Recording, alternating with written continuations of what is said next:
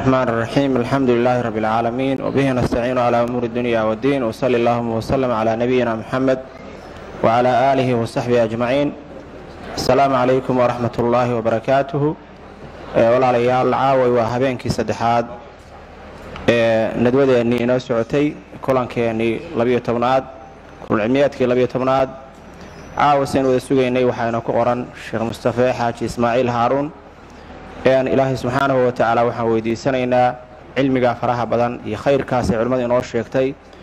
Ilaahay inuu ku anfaco iyagana ilaahay subxaanahu wa tacaala miisaankiisa xasanaadka ugu daro. Sideennii wanaagsanayd baynu dhegaysanaynaa insha allah ilahay idinkii una weelaynaynaa. Arrimihii la soo gudbiyey oo ay guddiga masjidku soo gudbiyeen oo ahay xasiloonnida iyo in la fadhiisto iyo in dadka waaweyn la qadariyo. Intaasna insha allahu tacaala ayaynaan ka tegin intaynu masjidka fadhinno aynu insha allahu tacaala xisaabsanno in ajar inoo soconayo oo khayr aynu ku dhex jirno oo aynu fadhino meeshii ugu fiicnayd meel la fadhiisto meeshii ugu fiicnayd shaykhaan si toosa ugu soo dhoweynayaa insha allah. Qaybta dambana su'aalihii baynu geli doonnaa haddii ilaa hidmo. Walaalaha iridda taagan haddii ay boos waayeenna bannaankaa bannaan oo gogol shitaalla haddii meeli bannaantana ha soo galeen insha allahu tacaala shaykhaan ku soo dhoweynayaa ku soo dhowow sheykh jasaaka allahu khayra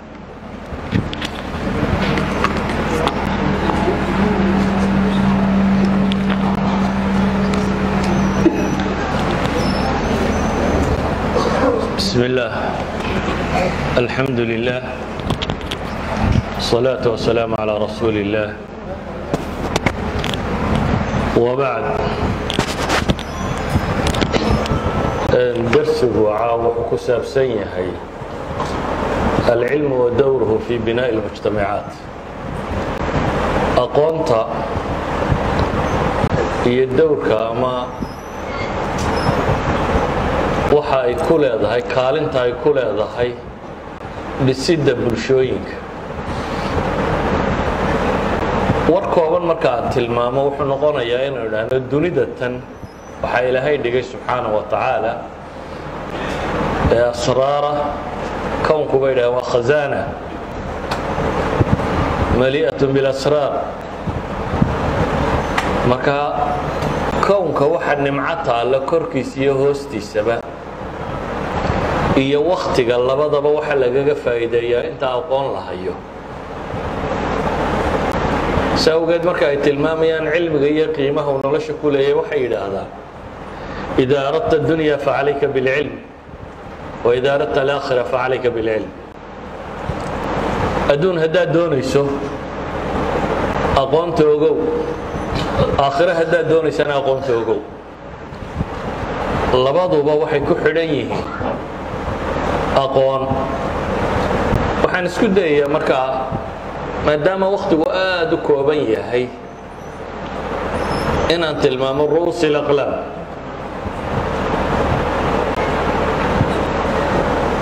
inaan meel fog istaago oo wax ka tilmaamo.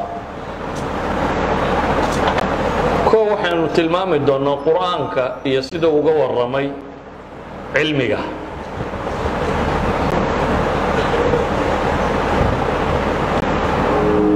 أهم أدوات الkhilaafa fi اlardi bay yidhaahdaan culimmadu in dhulka bini aadamku uu khilaafo ka sameeyo uu dego agabka ugu weyne uu u baahan yahay bay yidhaahdaan ee ilaahay uu siiyey ee malaa'igta loogu sujuudsiiyey ee lagu karaameeyey aadam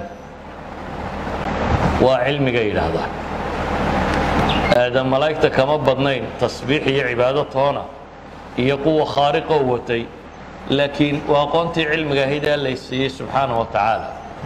Si awgeed baa ilahay wuxuu leey wacallama aadama alasmaa'a kullaha uma acradahum cala almalaa'ika faqaala anbi'uunii biasmaa'i haؤulaa in kuntum saadiqiin.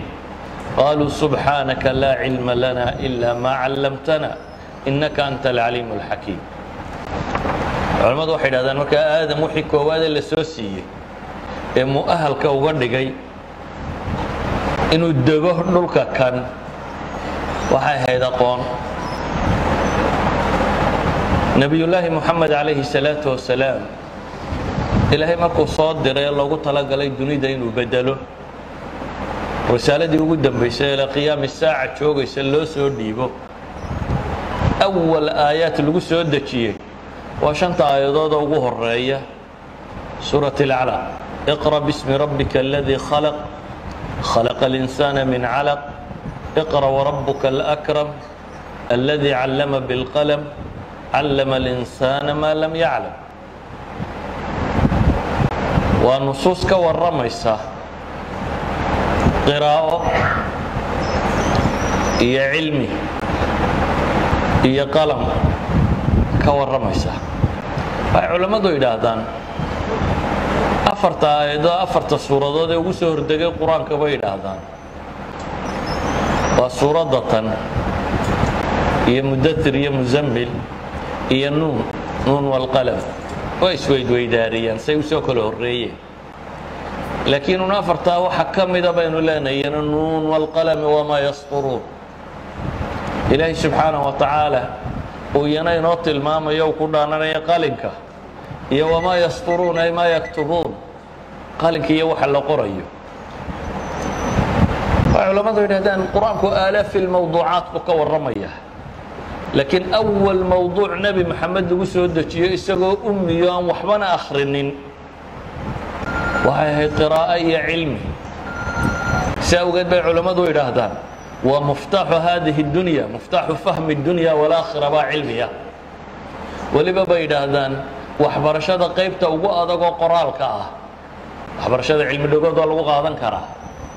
Laakiin qaybteeda ugu adagoo ah qofku qoraal inuu wax ku sameeyo ayay nusuustani ka warramaysaa. Bale culammada qaarkood dee waxay sii tilmaamaanba kownkan ilaahay markuu bilaabayey qalin baa la abuuro la yidhi uktub si axaadiista saxiixii ku soo aroortay.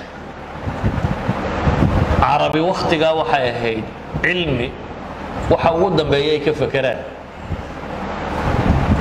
aqooni agtooda may oolin khuraafiya jahli baa yaallay taariikhdooda camiiqaana kuma jirto aqooni. Laakiin ilaahay subxaana wa tacaala wuxuu ku bilaabay qadiyat alcilmi taasi waxay tilmaamaysaa bay culammadu leeyihiin. Ahmiyadda aqoontu ay u leedahay bulsho in la bedelo. Waayo nebi moxamed waxaa loo soo diray inuu bulsho bedelo inuu dunida isbeddel ka sameeyo. Waxay kaloo culammadu tilmaamaan ilaahay markuu nebi moxamed u manno sheeganayana wuxuu ugu manno sheegtay. Waanzala allahu calayka alkitaaba walxikma wacallamaka maa lam takun taclam wakana fadlu اllahi calayka cadiima baynu war kooban tilmaamna waxay dhahdaan ereyga alcilm alcayn wallaamu walmiim iyo mushtaqaadkiisu jeer bay qur'aanka ku soo aroortay. Waa iyadoo aynan tilmaamin erayada kale ama caqliga ama fikirka ama nadarka ama yaqiinka ama waxaa ka warramaya oo iyana ereyo cilmiya ah. Sunnadana dee iyada tirabada kitaabka bukhaariyo qura baa la yidhaahdaa. Saddex boqoloo jeer buu ku soo arooray. Marka sunanka kale iyo kutubta masaanida iyo waxa kaloo dhan idan waxaad intaasi waxay tilmaamaysaa bay yidhahdeen ahmiyadda cilmigu guud ahaanba u leeyahy waana wixii ilaahay faray nebi moxamed inuu ilaahay weydiisto in loo kordhiyo. Waqul rabbi zidnii cilma. Waana axaadiista saxiixisay tilmaamayso salaada subax markuu nebigu calayhi salaatu wasalaam tukado waa baryaba wuxuu ku ducaysan jirayna kan buu ahaa. Isagoo dabaqaya waqul rabbi zidnii cilma. Allahuma ini asaluka cilma naafica warisqan طayiba wacamalan mutaqabala salaad subax kasta gadaasheed inuu xadiidka kan akhriyo masalada tan waxaad ka garan kartaa inuu nebigu ku sheegay calayhi salaatu wasalaam dunidaba qiimaheedu inuu aqoontayay waxeeda kale inaanay qiimo badan lahayn addunya malcuuna malcuunun ma fiiha ila dikra allahi wamaa waalaah aw caaliman aw mutacalima ama waa caaliman wa mutacalima adduunku inaanu qiimo samaynaynin ilaahay xuskiisa iyo cilmiga wixii ka soo hadha aadanuhu markaa loolan buu ugu jiraa noloshan siduu u guulaysan lahaa. Asaasu najaaxi lumamna waa aqoon. Sidaa ogeed baynu leenahay waa aadam markii la dooranayay wixii lagu doortay waa wixii koowaade nebi moxamed lagu soo dejiyey dowladaha ugu waaweyn ee islaama ee soo maray dunida ee qur-aanku uu ka warramayna waa waxa ilaahay ku sifeeyey alcasri الdahabi lidowla اlyahuudiya waa nebi daa'uud iyo sulaymaan markay joogeen iyo taaluut oo bilaabay casru dahabi waa saddexdaa boqor markay isku xigeen baa la tilmaamaa qur-aanku wuxuu kaloo ka warramay dhowrka nin ay culammadu yidhaahdaan duniday dacal ilaa dacal mareen ama dunida intii ugu badnayd bay qabsadeen. Dulqarnayn baa ka mid ah. Dhammaantood ilaahay wuxuu ku tilmaamayaa aqoon. Weliba markaan hoos u tilmaamo aqoontaasi mid sharciyeedna way lahayd. Mid tanaynu maadiga ku sheegnana ama culum xayaatiya culimmada qaar yidhaahdaan culumta nolosha ku saabsanee kalena way lahayd. Sidaa awgeed ayaa reer banu israa'iil markay yidhaahdeen boqor baanu doonaynaa. Ilaahay subxaanaه wa tacaala wuxuu u tilmaamay. Waqaala lahu nabiyuhum in allaha qad bacaa lakum طaaluuta malika. Qaluu anaa yakunu lahu اlmulku calayna wanaxnu axaqu biاlmulki minh wlam yu'ta sacata min almaal. Qaala in allaha اstafahu calaykum wazaadahu bastaةa fi اlcilmi wاljism reer banu israiil markay yidhaahdeen boqor baanu rabnaa dagaal geliya iyagu waxay moodayeen de dadkan magaca ku dhexle ama xoolaa haysta ama kuwa in la dooranayo. Laakiin ilaahay mid kalu u doortay oo ah lagu tilmaamay ciidan hogaamintii waxa ay u baahnayd inuu leeyay cudud iyo laxaad iyo aqoon baa ilaahay ku tilmaamay subxaanaه wa tacaala.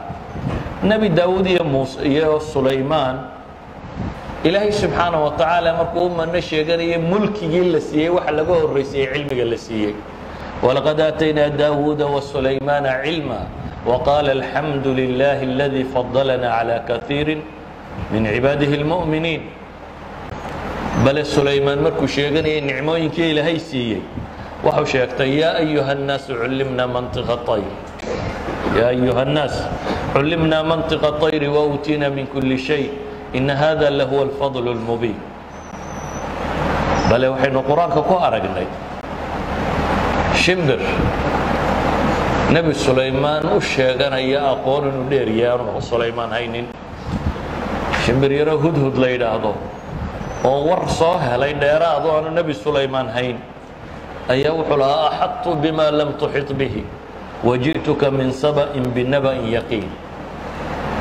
waxaan soo koobin baan soo koobay buu leeyahy saba meesha la yidhaahdo waxaan kaaga keenay naba yaqiin ah.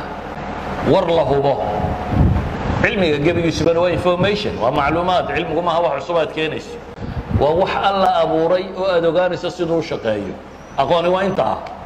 Waxaan aqoonta bini aadamku wadoo dhami.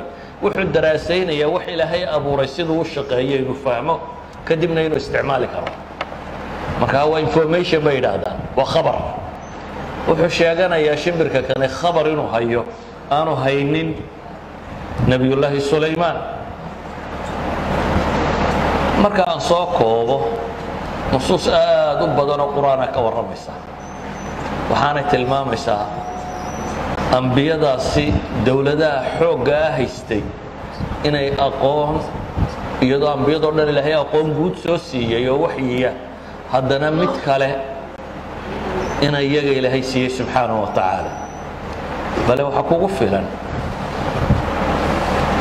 aqoonta xataa maadiga ah ama alcilmi taطbiiqiya waxay idhaahdaan applied science cilmiga noohawga isu bedelay qaabka wax loo qabtoo isu bedelay ee theory nadari ka guuray. Ilaahay qur'aanka wuxuu ku tilmaamaya rusul baan soo diray. laqad arsalnaa rusulana biاlbayinaat وأنزلنا معهم الكتاب والميزان ليقوم الناس بالقسط وأنزلنا الحديد فيه بأس شديد إلهي وحو لي الرسول بان صادري بينات عد عد حجج يا معجزات بان كو صادري waxaan soo raaciyay kitaab iyo miisaan xaqa iyo baatilka lagu kala garto waxaan saa u yeelay baa ilaahay leeyahay dadku inay cadaalad ku sugmaan waanzalna alxadiida baa ilaahay yidhi xadiidkana waa soo dejiyey waxay yidhahdaan xadiidku wuxuu ka mid yahay xadaaraadka dhismahooda waxay ku dhismaan. Ugu horayn culamada saynsku waxay tilmaamaan xadiidku inaanu ka mid ahayn maadada dhulka. Oo markay hadda tilmaamayaan chemically siday u samaysmaan atamisku trasterialka dhulku inaanu suurtagal ahayn. Xataa markay lahaayeen wuu karayay in xadiid ku samaysmo. Xadiidku waa shay meel kale ka yimi baa laysku waafaqsay scientifically xadiidku inaanu ka mid ahayn dhulka waxa yaalle wax meel kale ka yimi inuu yahay. Fasirintii hore anzalnaaga waxay ku fasiri jireen bimacna alkhalq. Laakiin iminka waxaa la ogyahay inay inzaalkeedii rasmiga ahay tahay. Sidiisa xadiidka loo soo dejiyey. Taa markaynu dhaafno horumarka bini aadamku ee xadaaraadku markayna intaynan soo gaadhin wuxuu kala xoog badnaa sidii birta farsamaynteeda iyo soo saaristeeda loogu kala xoog badnaa. Ugu horayn sanaacaadka haqiilka ah ama sanaacaadka waaweynee dunidu may dhismin intii aan productionka iron ku bilaabmin. Hadday tahay maraakiib hadday tahay treenno hadday tahay daaraha la dhiso daaraha dunidu intaan xadiidkan farsamadiisa saanay loo baranin afar kama badnayn ilaa shan oo dhoobadan qawska ee la dhisaa hadday afar ama shan injineerinkeedu dhaafo way dumaysay. Si awgeed markii la ogaaday birtan shubka lagu dhex shubi karo ay soo baxday ayay bilaabantay in طabaqaadkan dhaadheer la dhisi karo.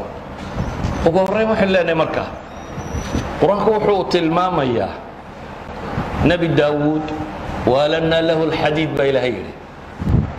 Waxaanu u jilcinnay birta farsamada birta baa ilaahay siiyey subxaana wa tacaala oo uu ka samaynayay duruucdii iyo wixii lagu dagaalamayey iyo wuxuu ku dagaalgelayay o dhan nebiyullaahi sulaymaan ilaahay wuxuu ku tilmaamaya cayn alqitr in loo dareeriyey wاlqitru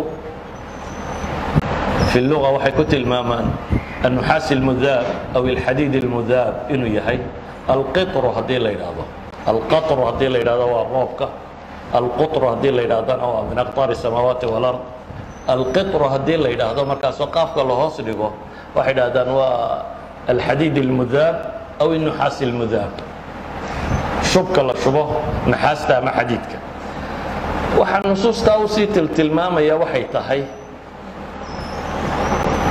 technologygu markuu aqoontu markay practical isu bedeshaabay qiimaha samaysaa dilqarnayn ilaahay markuu tilmaamayay waxaa lagu tilmaamayay inuu lahaa aatuunii zubra alxadiidi xataa idaa saawaa bayna sadafayn qaala اnfukuu xataa idaa jaclahu naara qaala aatuunii ufriq calayhi qira xadiid iyo qir mudaaba xadiid mudaaba ama nuxaas mudaabu isku daray si uu nimankii meesha lagu xidhayay uu si fiican ugu xidho saynis oo dhamme wuxuu ka warramaa speed time bay idhaahdaan technologiga horumarkiisu waa laba shay un waktiga waxaa lagu qabanaya in la dedejiyo iyo makaanka wuxuu qaadanaya in la sii yareeyo. Sancadu mar kastoo ay sii yaraato ay horumarto shaygu mar kastoo wax yar sii noqdo la sii yareeyo waa horumaray. Marka aqoonta cilmigu waxay qabataa laba shay. Inay sbaceka yarayso wax la dhigayo lagu samaynayo iyo wakhtigu waxaasi wax ku qabanayo in la tiro badiyo. Ilaahay markuu ka warramaya nebi sulaymaan waxaa la tilmaamay dabayla inay qaadayaan sbiid samaynaya. Ka dheeraynaya wixii markaa la watay oo gelinna bil sii soconaya in la socday gelinna in leeg soo soconaya. Waxaa ilaahay qur'aanka ku tilmaamaya cilmiga iyo aqoonta uu leeyahay. Nebi sulaymaan markuu rabay balqiis inuu soo qaado oo loo keeno carshigeedii ilaahay wuxuu ku sheegay cifriit min aljin baa yidhi anaa la soo duulaya oo intaanad shaqada ka bixin baan keenaya. Qabla an taquuma min maqaamik shaqada inta aad ku jirto ayaan keenaya ilahay wuxuu sheegay qaala aladii cindahu cilmu min alkitaab. Qaala aladii cindahu cilmu min alkitaab. Kii aqoonta la siiyey kan ammaan waxa ugu filan in sifadiisa la sheego. Laynama sheegin inuu jin yahay inuu malaa'ig yahay inuu insi yahay. Midda ku qoladuu noqdo toona qiimo badan samayn mayso. Waxa qiimo samaynaya waa farsamada uu garanayay. Waxa qiimaha samaynaya waa kaa saa daraaddeed ilaahay wuxuu leeyahy qaala aladii cindahu cilmu min alkitaab. Kii aqoonta la siiyey ayaa wuxuu yidhi intaan ilbiriqsi ka yar ayaan ku keenaya kullu haadihi nusuus waxaan rabaa inaanan sii balballaadhin sharaxe soo koobo. Waxay tilmaamaysaa aqoontu. Weliba markay aqoontu know how isu beddesho. Markay isu beddesho applied science wax farsamo oo la isticmaalaya markay noqoto inay tahay kullama bini aadamka horumarkiisa iyo dheerayntiisa iyo xooggiisa uu ku jiro. Waxaa kaloo la socda bay yidhaahdaan culammadu xirfadyahanimada oo umamka maanta marka la qiimaynaya waxa la qiimeeyaa maalan muwaasiinta ay wax ku qiimeeyaan horumarka waxaa ka mid ah. Ummadda milyankii qofba imise baaxito cilmiya bay leeyihiin. Waxay kaloo wax ku qiimeeyaan. Milyankii qofba imise xirfadyahan baa ku jira. Technicians imisaa ku jira. Nebi sulaymaan markii ilaahay inooga warramayo boqortooyadiisii aadka u ballaadhnayd waxaa laynoo sheegay xirfadyahano khataraynu haystay. Wa min ashayaaiini man yaguusuuna lahu wayacmaluuna camalan duuna dalik shayddaamo farsamo yaqaana buu haystay. Oo badyo berriba wax ka keenaya. Farsamadiisu waxay gaadhsiisnayd islaantii mufasiriintu ay balqiis ku sheegaane haysatay saba markay timi qiila laha dkhuli sarxa baa la yidhi dhismahan gal falamaa ra'atu xasibatu lujja in meesha biyo ku jiraan bay mooday oo lagu dhacayo laakiin meesha waxay ahayd sarxun mumarad baa la yidhi dhisme dhalo laga dhigay oo aanad arkaynin waxa ka hooseeya aan kuugu muuqanaynin siduu yahay intaasoo dhan waxaan uga dan leeya inaan tilmaamo un qur'aanku qiimaha uu siiyey cilmiga ama kiisa aynu iminka maadiga ku sheegna ha noqdo ama kii waxyiga ha noqdee ummadda muslimiinta ah waxay maanta dunida kaga jirtaa baynu leenahay meel dambe. Sababtuna waxa weeyaan waxay dayacday wixii aadanaha dhismihiisa iyo dowladnimadiisa ka qayb qaadanayay ama horumarka wixii ku salaysnaa. Waxay yidhaahdaan su'aasha isweydiinta le waxa weeyaan bini aadamka dunida kor jooga marka la eego muslimku. Rubuc ka mida weeyaan afartii qofe dunida marayaba midbaa muslima. Haddana bay leeyihiin. Marka la eego aqoonta scienska iyo technologyga iyo politicalka iyo economicskaba dhaqaale siyaasad cilmi meel dambaynu maraynaa inaynu meel dambe marayno waxaa kuugu filan. Ixsaa'iyaad waxoogaa ayaan idiin sheeg sheegi doona. Tiro koobiyo. Waxay dhahdaan dhaqaalahay dunidu sannadkii samaysaa waa ilaa lixdan trilyan aadanaha kor saaran dhulku. Dhaqaalaha uu soo saaraa bay dhahaan waa lixdan trilyan muslimku wax saddex trilyan ka yar buu soo saaraa. Dunida lixdan trilyan baa la soo saaraya dhaqaalaha. Muslimku saddex trilyan wax ka yar waxay dhahdaan dhaqaalaha muslimiintu sameeyaan oo dhan. Toddobaatanka milyan ee faransiiskaabaa ka badan. Bal eh waxaa laga yaabaa inay ku labalaabmayso boqol iyo labaatanka milyan ee jabaniiskii dhaqaalahay soo saaraan iyo tirakoobka caalamulislaam oo dhan carab iyo cajamtiisaba isku dar. Dhaqaalahay soo saaraan boqol iyo labaatankaas nuskeed bay soo saaraan. Boqol iyo labaatan sanamka caabudo inaynu nuskii la dhaqaalo noqonnaa inagoo dhulka intaa leeg leh oo adduunka intaa leeg joogana waa ceeb runtii. Ka soo saaray ka dhaqaalo badanta. Dhaqaalaha spain soo saarta iyo labiyo tobanka wadane shidaalka soo saara. Spain taa yar baa g d b geedu ka badan yihi abulacla almawduudi abulxasan innadawi baan u jeedaa. Calayh sheekhii hindiga ayaa dhintay baa wuxuu leeyahay qarnigii lixiyo tobnaad wixii ka dambeeyey. Muslimiintu su'aalihii cilmiga ahaa iyo sayniska ku saabnaa waa ka seexdeen su'aalaha metafisiska ka warrama ilaahiyaadka iyo waxa ka warrama ayay ku mashquuleen. Saa daraaddeed may ka soo bixin buu leeyahy maskaxihii waaweynaaye lagu yaqaanay. Waa sababta keentay buu leeyahy cilmiga iyagu soo saareen intay ilaabeen inay hidiya dhaqankii ku noqdaan iyo baadiyaha wixii lagu hayay taasi buu leeyahy waa waxa ka dhigay inay addoommo u noqdaan nimanka reer galbeed buu tilmaamaya. Marka adduunka la xisaabinayo aqoontu qiimahay ku leeday maadaama aynu sheegnay iyo horumarka meesha ay ka taagan tahay. Maalan alumam almutaxida u n qaybteedan u n d b la yidhaahdo taqriir ay soo saareen waxa ay ku tilmaamayaan. Dunida masiixiga ah kristanka sheegata. Marka la isku daro yurubteeda iyo kuweeda kaleba boqolkiiba sagaashan baa wax qora. That means illiteracy-goodu dadka aan waxna qorin waxna akhrinin waa boqolkiiba toban. Si kale markaan u tilmaamna waxay leeyihiin shan iyo toban waddan oo dunida kristankaa ka midi. Qof aan wax qorini ma joogo dadkoo dhammi waxbay qori karaan waxna waa akhri karaan. Dunida muslimkase haddaynu eegno isku celcelintooda boqolkiiba afartan baa wax qori karta. Qiyaas caalam alislaami dunida masiixiga marka la eega bay yidhaahdaan. Dadkooda mutacalimiinta boqolkiiba siddeed iyo sagaashan baa dhammaystay dugsi hoose dunida muslimiintaana boqolkiiba afartanka aynu sheegnay konton ka mid ah ayaa dugsi hoose ka baxay. Means fifty ka midii dugsi hoosena kamay bixin. Waxay dhahdaan dunida reer galbeedka ama masiixigaa marka la isku daro dadkooda mutacalimiinta boqolkiiba afartan baa jaamacad tegey. Muslimiintana boqolkiiba labaa jaamacad tegey. Boqolkiiba laba. Markii horeba boqolkiiba afartan bay waxbarashadoodu ahayd afartankiibaa boqolkiiba laba jaamacad ka tagtay. Qolana marka hore waxbarashadooda boqolkiiba sagaashan ahayd sagaashankiibaa haddana boqolkiiba afartan ay heer jaamacadeed gaadhsiisan yihiin dee waddannada innaga inoo aqoon-yahanka masar baa ka mid ah. Boqolkiiba soddon baan waxna akhrinin waxna qorin. bay idhaahdaan haddaynu si kale u tilmaamno boqolkiiba soddon baan gacantoodu musxafka taaban bay idhahdaan ila garan maaye waxay tilmaamaan. Ma faqri baa maya faqri maaha. Ee aqoontan qiimo ku lahayn agteenna kuuba waddannada faqrigaabay ka mid tahay.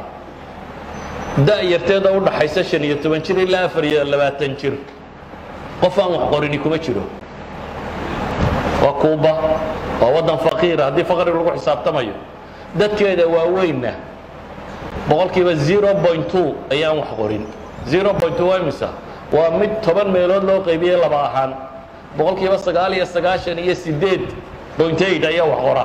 Dadkeeda waaweynna waxaa la mid ah brazil chile maxaa la yidhaahdaa colombia. Waddannadaa yaryara caynkaasa boqolkiiba toddobiyo sagaashan ama siddeed iyo sagaashan baa wax qora.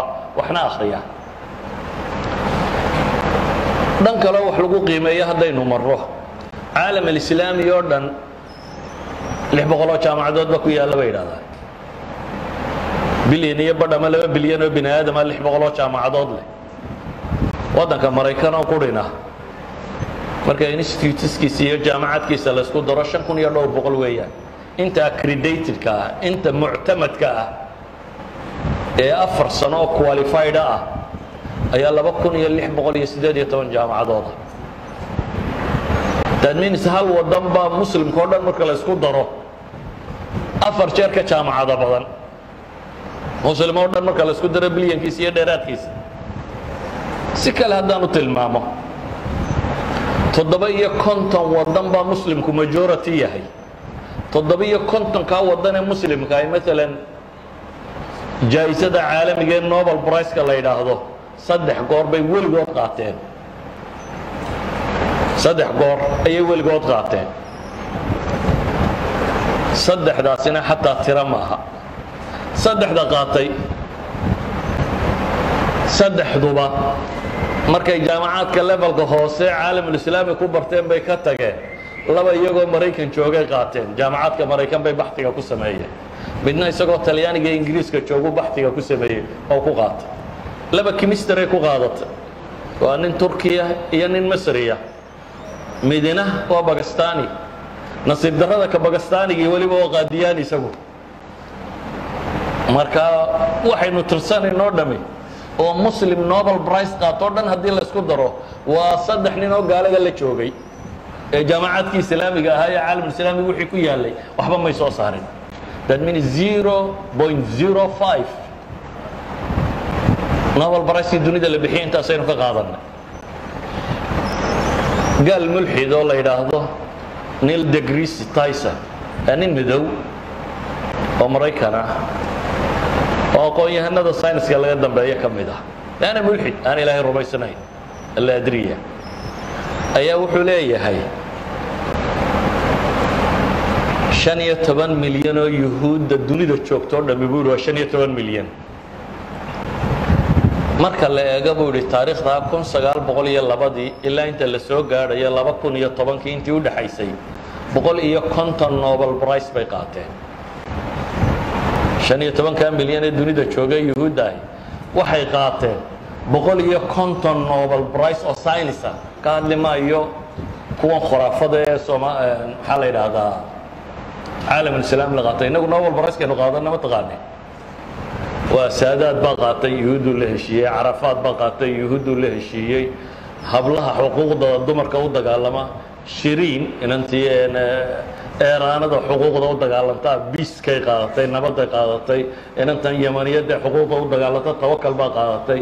Yartii carruurta ahaydee toddobiyo toban jirka ahaydee bagastaanta ahayd malaala baa qaadatay. Innagu waa kuwa kuwa layna siiyaa hablaha xuquuqda u dagaalama. Nobel brice-ka qaata biis nobel brice nimankaa yuhuudda la heshiiya adabka labay muslimiintu qaateen labaduna midi waa najiib maxfuud. Awlaadu xaaratina buu ku qaatay ma akrideen waa diin la'aan wuxuu qoray. Diin la'aantaa lagu siiyey. Midka kalena waa turki. Isna diin la'aan baa lagu siiyey wuxuu yidhaahdaa cultural muslim baan ahay kuwa wax aaminsan meeyi dhaqankaygunbaa islaamka ka soo jeeda. Adabka kuwa laynoo siiyeyna waa kuwa.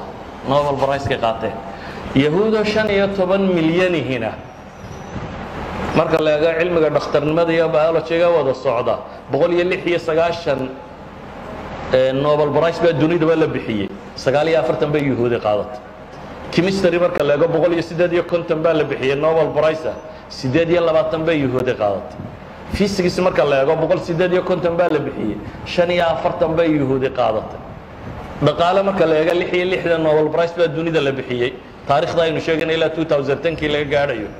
Siddeed iyo labaatan bay qaateen. Dadminis wixii nobel la bixiye science ku saabsiisnaa shan iyo tobanka milyan ee yuhuudii boqolkiiba shan iyo labaatan bay qaateen. Glis glisby oday la yidhaahdo maraykana waa nin gaboobay hadda dhowr iyo sagaashan jira. Laakiin waa culimmada looga dambeeya taarikh alculuum science history. Ayaa wuxuu leeyahay markaan eega buu yidhi medieval periodka wakhtigii loo yaqaanay alcusuur alwusta. Quruntii dhexee dunida boqol iyo soddon caalim baa jiro magacooda la xusi kara buu leeyahay oo aqoon-yahan iyo technologies scientist iyo technologies ahaan jiray.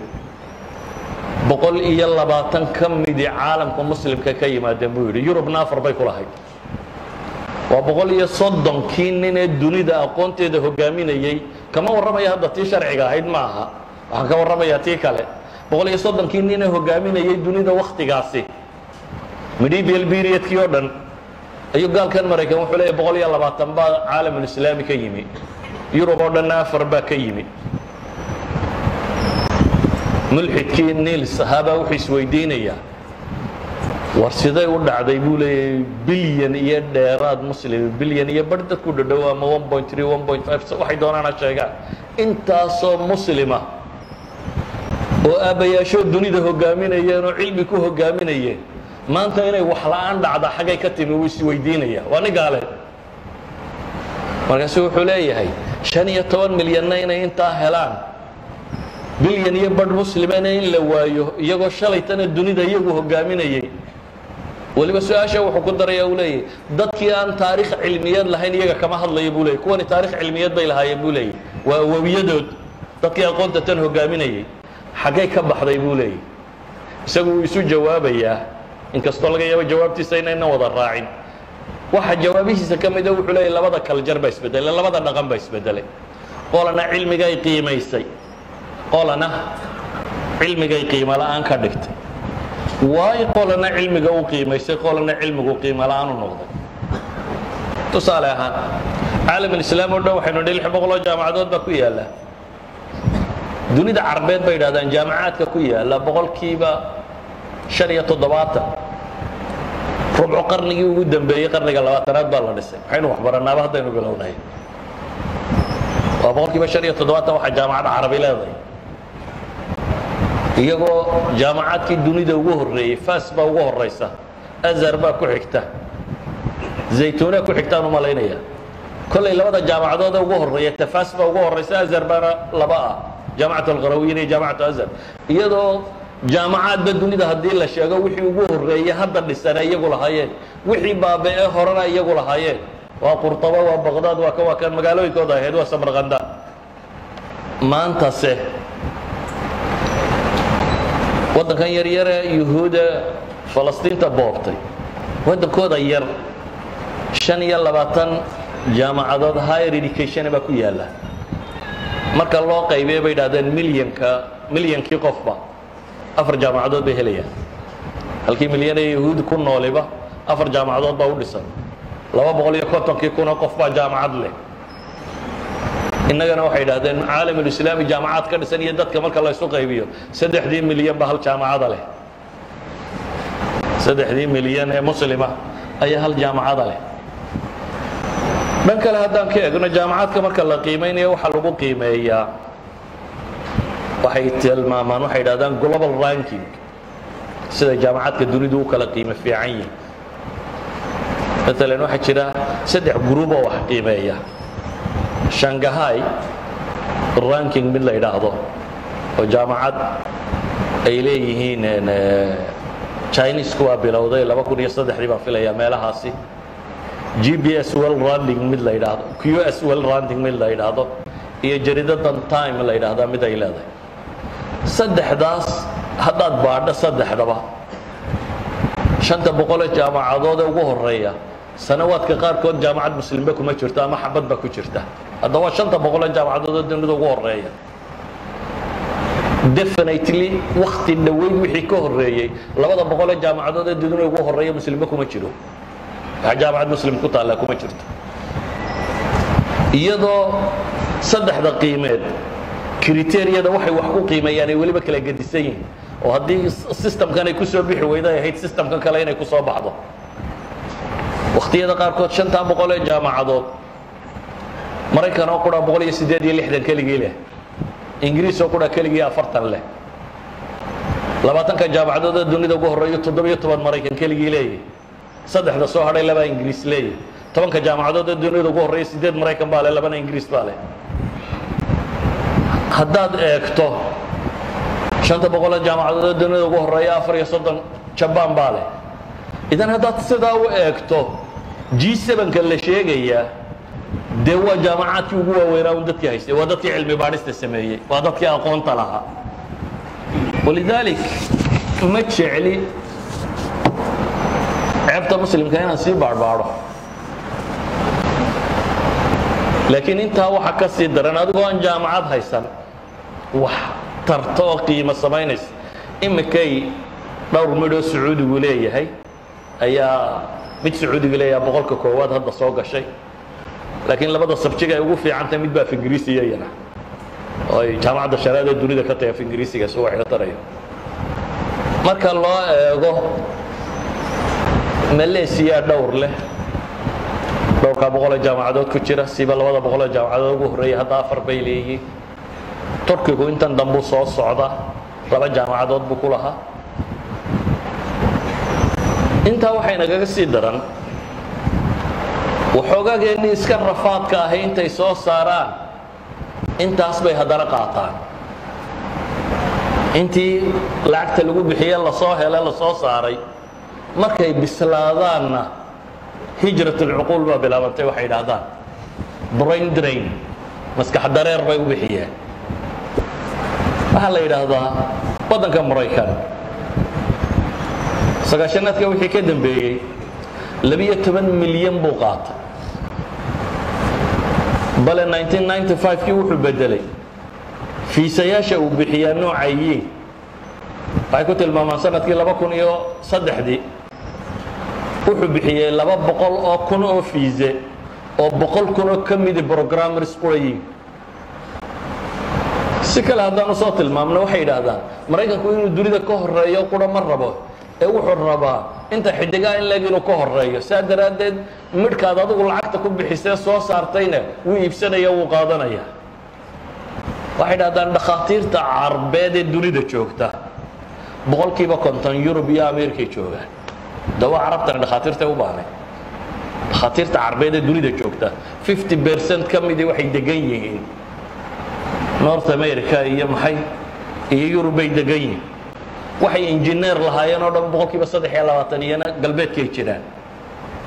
Waxay culamo khubaraa lahaayeen boqolkiiba shan iyo toban galbeed bay jiraan. Ingiriis oo qura dhakhaatiirta joogta boqolkiiba afar iyo soddon baa carab ah. Waxaa ingiriis ka dhakhtara boqolkiiba afar iyo soddon baa carab ah. That means intii lacagta lagu bixiyey ama yurub loo diray la saaray ama meelahan ba lagu camcamiye la saarayna intiina lacag bay ku qaateen oo dib bay u iibsadeen saa daraaddeed waxay dhahdaan ardada caalamka carabeed ay u dirto inay jaamacaadka reer galbeed ka soo baxaan boqolkiiba afar iyo konton baan dib u soo noqonin. Xamala shahaadaat alculyaa bay dhahdaan shahaadooyinka sare culammada sidatee carbeed sannadkii labada kun marka la tiriyo afar boqol iyo konton kun baa joogay galbeedka. Maxaa soo hadhaya markaa haddii marka hore lagaa aqoon badnaa oo lagaa jaamacada fiicnaa oo lagaa wanaagsanaa marka dambana waxoogaaga yara aad soo saarto. Gaal malaaxidada ka mid a doctor mishiya kaku la yidhaahdo. Asalkiisu waa indha yar laakiin waa maraykan. Ayaa wuxuu leeyahay silicon valley ma jireen buu leeyahay haddaanu h one b visa aanu jirin buu leeyahay visa jira la yidhaahdo h one b oo maraykanku bixiyo. Haddaan fiisahaasi jirin buu leeyahay silicon valley ma jireen. Waayo dunidu maanta waagii hore shirkadaha dunida ugu lacagta badan leh tobanka shirkadood ee dunida ugu lacagta badan leh waxay ahaan jireen shidaal iyo gawaadhi. Tobankuba shirkadaha shidaal ka shaqeeya iyo shirkadaha gawaadhida. Iminka mid ama labaa kaga jirta. Tobanka shirkadood ee dunida ugu lacagta badan leh caqlay ku xoogsadeenee commodityba ma haystaan qalab ma jiro. Waa brogaraamo iyo wax la ah. Waa amazon shirkadda ugu xooga badan leh. Waa gaalkan windowgale maxaa la jiray? Bill gate waa gaalkan kale iminka gawaadhida iyo wax soo saara cirka wax u dira maxaa la yidhaahdaa? Isku soo dar. Waa kan facebook u samaystay. Waa google qolada samaysatay labada arday samaystay dhammaantood waxbay qorqoreen una brograamay samaysteen. Wax kaloo ay yaqaaninba ma jiro. Brogram ayaa dunida bilyaneera loogu yimi haddana laba shirkadooda ka mid a haddii dhaqaalahooda laysku daro caalamulislaami oo dhan waxay soo saaraan bay ka dhaqaalo badan karaan. Laba shirkadood ka mid aqoontu xooggaasay dunida leeday. Aqoontu xooggaasay dunida leeday. Oo dadkii commodity waxay idhaahdaan khaamka materialka khaamkaa dunidu kuma horumarto ee manufacturing bay ku horumartaa ma jira bay leeyiin waddan dunida hogaamiyey oo aan industria lahayn waddan macdan soo qoda ama shidaal soo saara ama mining soo saaro horumarsani dunida ma jiro. Ninka soo walwalaaqunbaa horumarsan kaasunbaa dunida ku shaqaysto oo xoolaheeda haysta. Kan laakiin ceelashu ay ku yaalliina laga soo qodaa waa uun ceelkaa lagala baxaa wixiisa qiimo ma samaynayo. Saa awgeed ay waxay isku dayeen maraykan maanta. Gaalkaasi mishaya kaku wuxuu leeyahay science b h d waxaa sameeyee maraykan degani boqolkiiba konton debad bay ku dhasheen maraykan kumay dhalanin dadminis wixii caqli dunida jiray wuxuu isku dayey hadduu waxbarasho ku keeni kari waa inuu lacag ku keeno. Oo dabeetana uu isagikiisa wax ku baro afrikadan madoowa a taqaaniin. Waxay idhaahdaan labaatan kun oo caalim oo ay leedahay bay sanad walba yurub ka qabta. Dabeetana bay idhaahdeen khubaro la taliso si ay u soo kiraystaan afar bilyan oo lacagoo kale ku bixiya. Qiyaas. Inaad caalim soo saartaa marka hore mise bilyan buu kugu joogaa markii la soo saarayna kuwaasaa qaatay. Sanad walba waxaan uga danleeya markaa haddaad maqasho dunaa horu martay dhidid bay ku horu mareen iyo waxbarasho iyo wax soo saar. Bilaash kumay cid inta iska seexatay badhaadhay oo horu martay ma jirto. Ee cid aqoon adeegsatay ayaa horu martay innagana waxba inagama xigaan inaynu horu waxba inagama xigaan go'aankeenna inaga xiga. Inaynu shacab iyo dowlad iyo qiyaadaba inaynu yeelanno go'aan ah inaynu aqoontu inay qiimo tahay aragno. Cilmigu inuu wax yahay. Innaga cilmiga waxuma aragno. Cilmiga waxuma aragno. Haddii marka aynu rabno horumar